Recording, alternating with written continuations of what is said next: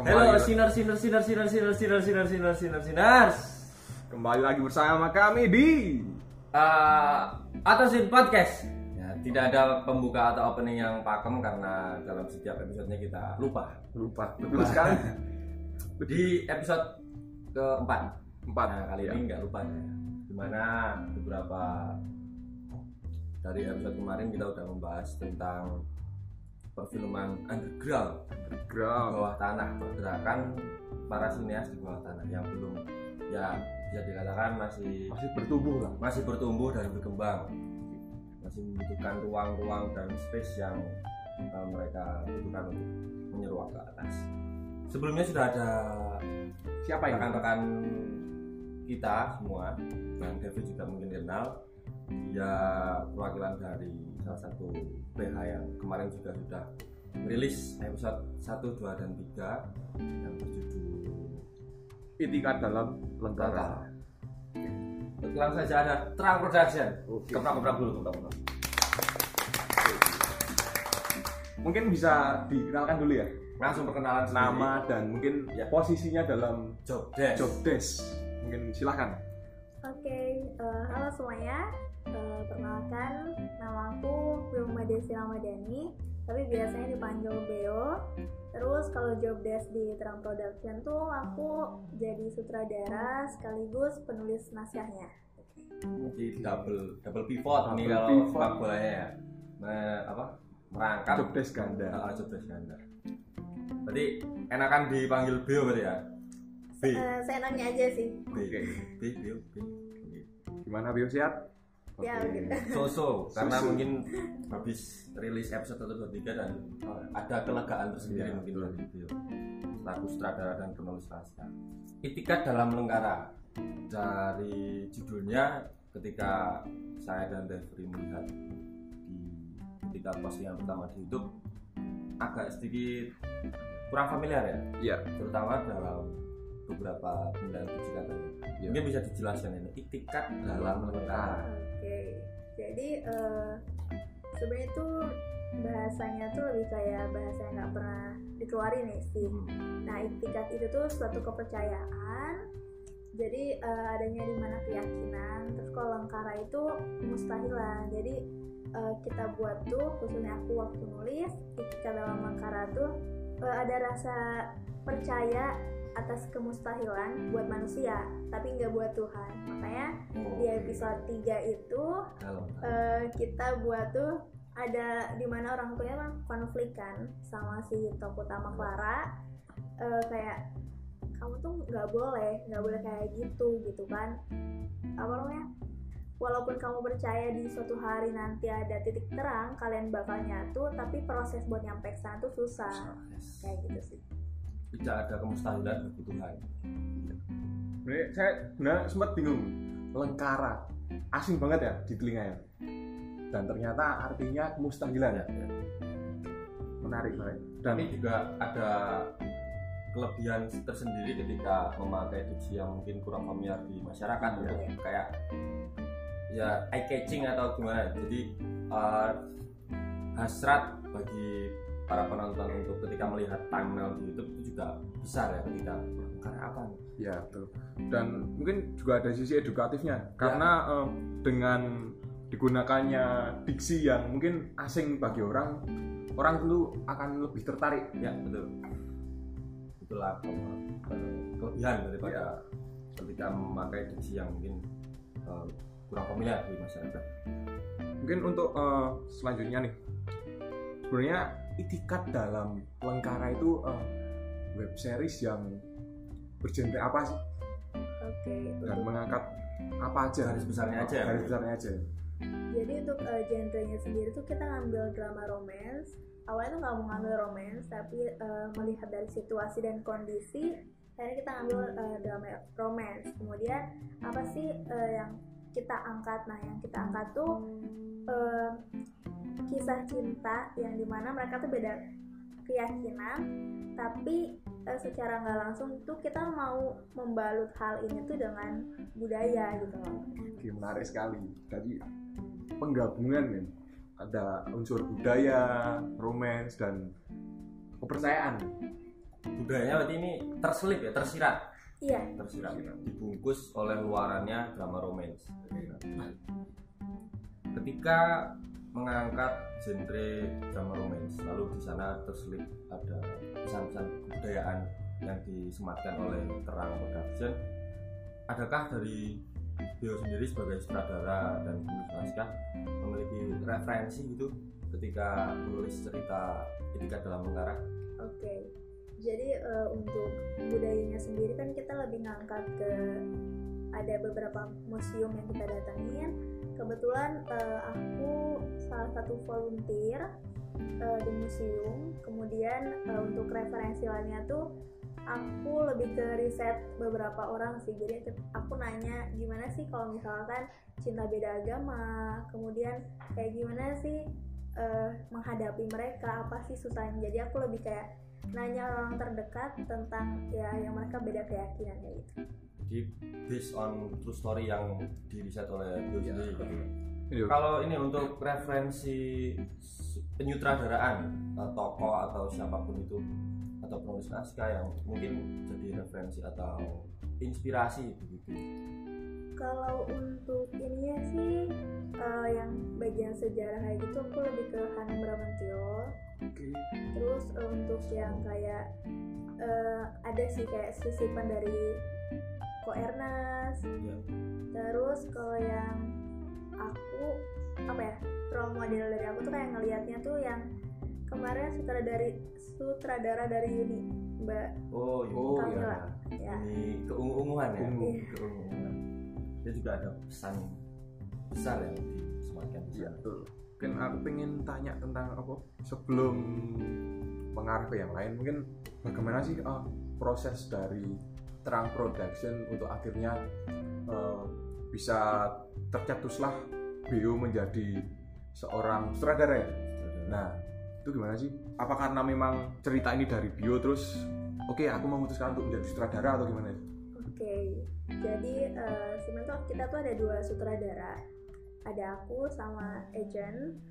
Nah, di situ waktu pemilihan tuh kita mungkin agak lama karena kita nggak satu angkatan. Nah, terus eh, kebetulan dari kebanyakan kelompok anggota atau kru yang ada di kelompokku tuh mereka di luar Jogja semua. Jadinya ketika eh, pemilihan itu mereka tuh eh, lebih ke kamu yang punya cerita. Lebih enaknya jadi kayak ko Ernest gitu kan. Kamu punya cerita enaknya kamu sekalian Direct mendirect gitu ya Oke menarik menarik. Ini kan eh, dari terang sendiri ada nggak beberapa ya maksudnya mungkin sedikit banyak ya apa cutting yang ikut dalam kelompok ini. Ya. Ada kesusahan sendiri nggak sih? Apa, maksudnya produksi dengan orang yang bisa dianggap eh, di atas kita. dan Jadi masih kurang familiar gitu Nah, ya kan biasanya kan pasti ada gap. Ya. Nah itu gimana menyikapinya?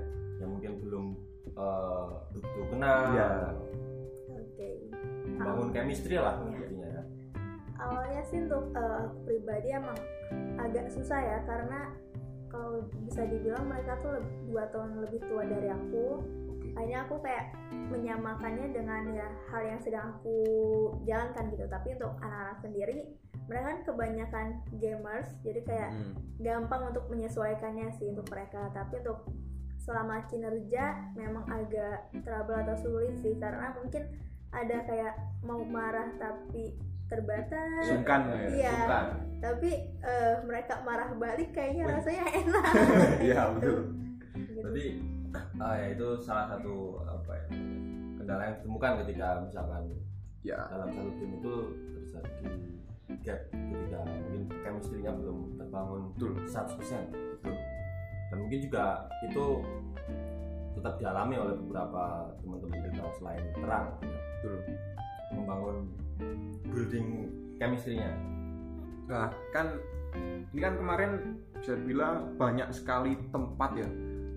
Dan di museum ada berapa museum aja? Apa aja sih kemarin? kalau kemarin tuh untuk museum kita cuma dua Dua.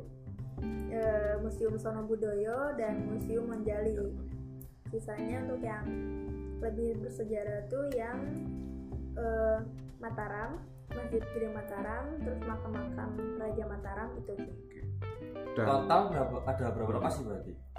lokasi itu sekitar 6 Wow. dan itu kan termasuk ruang publik ya?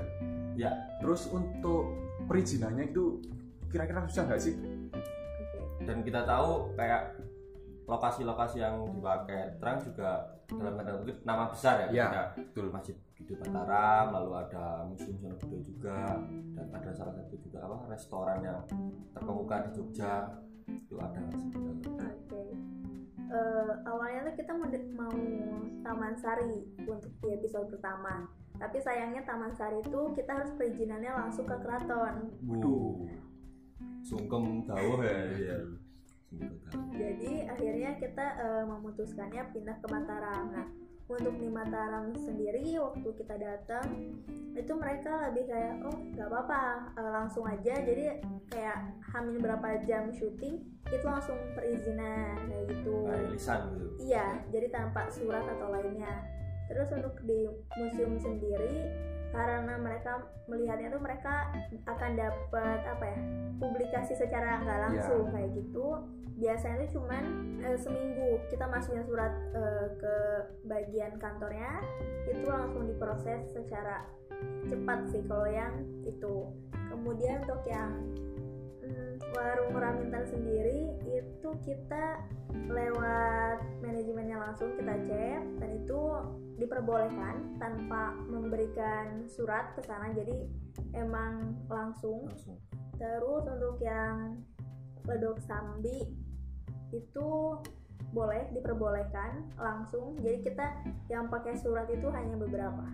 Sih. jadi memang terbuka sekali ya tempat-tempat tadi seperti museum tadi eh, dengan adanya apa ya sineas-sineas yang ingin berproses dan mereka turut mensupport gitu Ya. dengan nggak Kemudahan nah, yang gitu di- nggak disusah-susahin lah Ya. Eh, yang saya tahu kan beberapa tempat kadang eh, apa itu maksudnya. Ah, ah, susah lah Susah. untuk ditembusi dan ini merupakan salah satu poin plus Poin plus. karena bisa apa ya sangat terbuka untuk orang yang ingin publik mempublikas Mempublikasikan, Mas aduh Devi. sayang sekali. Apa- saya terjerembab. Artinya dari terang dan pihak si punya lokasi pun juga sama-sama enak ketika terang dapat lokasi sementara yang punya lokasi juga dapat apa exposure. Ya dan lebih dikenal lagi oleh masyarakat. Lalu itikat dalam lengkara ini dari sisi terang production apakah karya debutan atau sebelumnya memang sudah uh, ada beberapa project yang digarap oleh teman-teman terang untuk eh, project ini tuh buat kru yang lain tuh eh, pertama kali mereka Ya. eh, terjun mungkin sebelumnya pernah remake cuma untuk yang benar-benar dari nol untuk pra sampai pasca tuh emang belum kayak yang ini sih debutan berarti ini ya, Iya. itikat dalam kalau dari sisi Bio sendiri sebagai sutradara dan penulis naskah apakah ini juga debutan atau gimana? aku kemarin eh, sempat di project UKM yang di koma itu aku jadi astrada terus aku pernah juga jadi penulis naskah sebelumnya eh, di web series seluruh itu di koma terus pernah jadi beberapa kru juga sih secara bio sendiri ini juga bukan kali pertama dan Betul. sudah ada pengalaman tersendiri pengalaman sebelumnya ya. eksekusi suatu series atau short film gitu ya.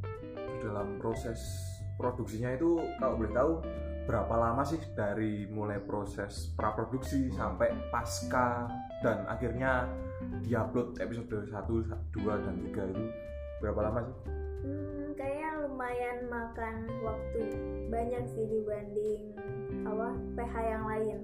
Karena kan banyak kendala yang dialami juga.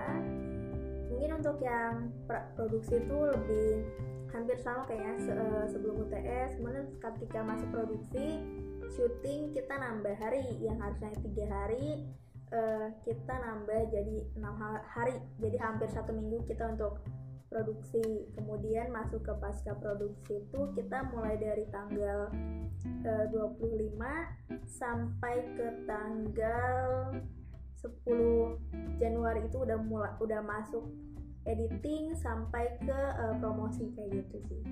Terus ya uh, kan ngomongin tentang kendala ya mungkin ya. Tadi kan sempat di singgung sedikit. Singgung sedikit. Mungkin ada nggak sih kendala yang mungkin benar-benar membuat uh, tim dari terang sendiri sulit atau gimana gitu ada nggak sih? Mungkin dari sisi sutradara. Hmm. untuk kendala sendiri itu sebenarnya banyak cuman untuk uh, diintikannya saja tuh kayak koordinasi komunikasi sih itu yang belum kayak susah banget. Terus keterbukaan di antara kru kemudian manajemen waktu per krunya tuh agak susah sih kayak gitu karena ya mungkin yang tadi itu ya Bukan, karena ya. ditambah karena apa tadi? Chemistry.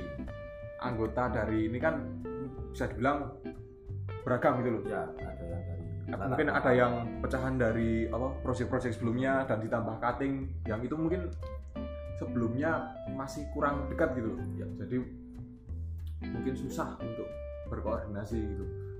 Dan secara overall mungkin ketika tadi disampaikan bahwa terdapat kendala seperti itu juga dialami oleh PH-PH yang iya. pertama kali atau debutan dalam mengeksekusi suatu karya.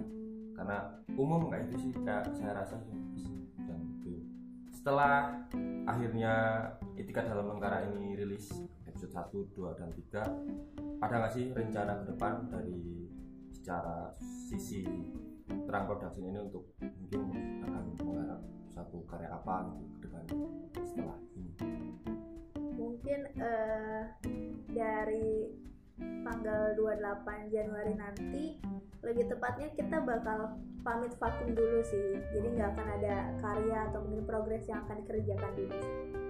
sementara berarti apa nih? Hiatus kalau bahasa kerennya hiatus dulu sampai akhirnya mungkin cari-cari pengalaman masing-masing dari masing-masing grup untuk lagi dapat kembali mengeksekusi suatu karya yang mungkin dinantikan oleh para luar sana. Nah, tadi kan eh, itu lebih ke terangnya ya.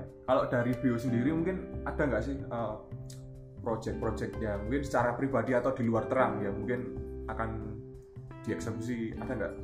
Hmm, kebetulan aku lagi merancang juga sih mau ada satu. Rencana tuh eh, short movie terus kayak eh, video video pendek lagi sama mungkin kayak ada satu rencana mau Goals Film Festival sih Melo. menarik untuk ditunggu ini Nah, ditunggu eh, dari sisi Wilma atau Geo dari uh.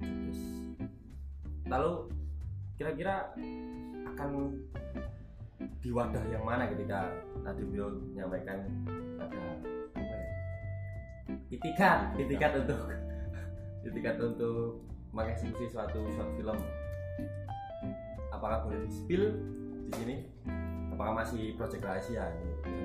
masih perancangan sih masih perancangan Eh, terakhir mungkin ya dari sisi sutradara sutradara etika dalam mengara apa yang ingin disampaikan kepada sinners-sinners di luar sana terakhir nih yakin ya sebelum nanti akhirnya Mas Devi Oke. punya. Ya mungkin sebelum terakhir lah. Yo ini mengulang yang kemarin.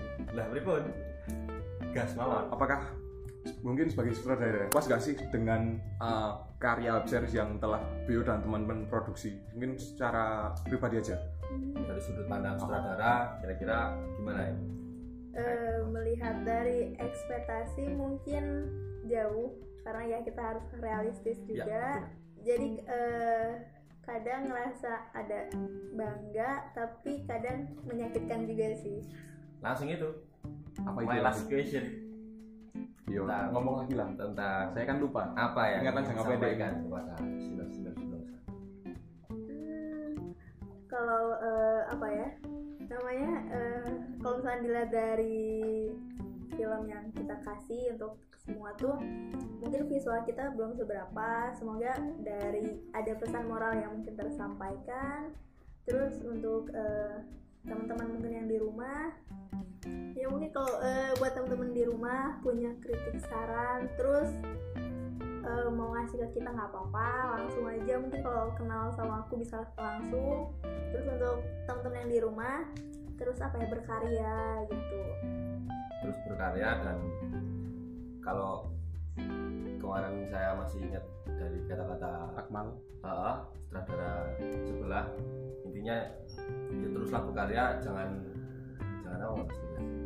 ya, intinya berkarya dulu lah Ah, berkarya dulu masalah yang lain akhir belakangan. nanti belakangan yang penting coba coba coba dan coba karena ya itu ketika kita berbicara tentang suatu karya audiovisual ya tidak terlepas dari yang namanya apa trial and error Error. dan itu terus berproses berproses dan masalah jam terbang juga sangat Berpengaruh. berpengaruh dan mungkin ah yang tadi belum sempat kita omongin ya mungkin buat senior-senior semua yang pengen nonton Itika dalam Lengkara bisa ditonton di mana nih Bim?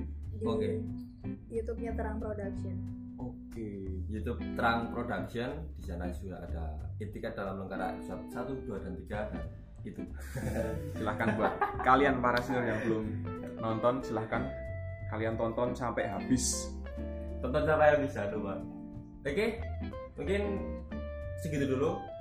Kesempatan kita di episode 4 ini bersama Terang Production yang diwakili oleh Beo. Makasih juga Beo udah eh, meluangkan waktu bagi kita untuk sekedar sharing sharing bercengkrama semacam bercengkrama terima kasih dan sampai jumpa sampai jumpa Woo, woo, woo.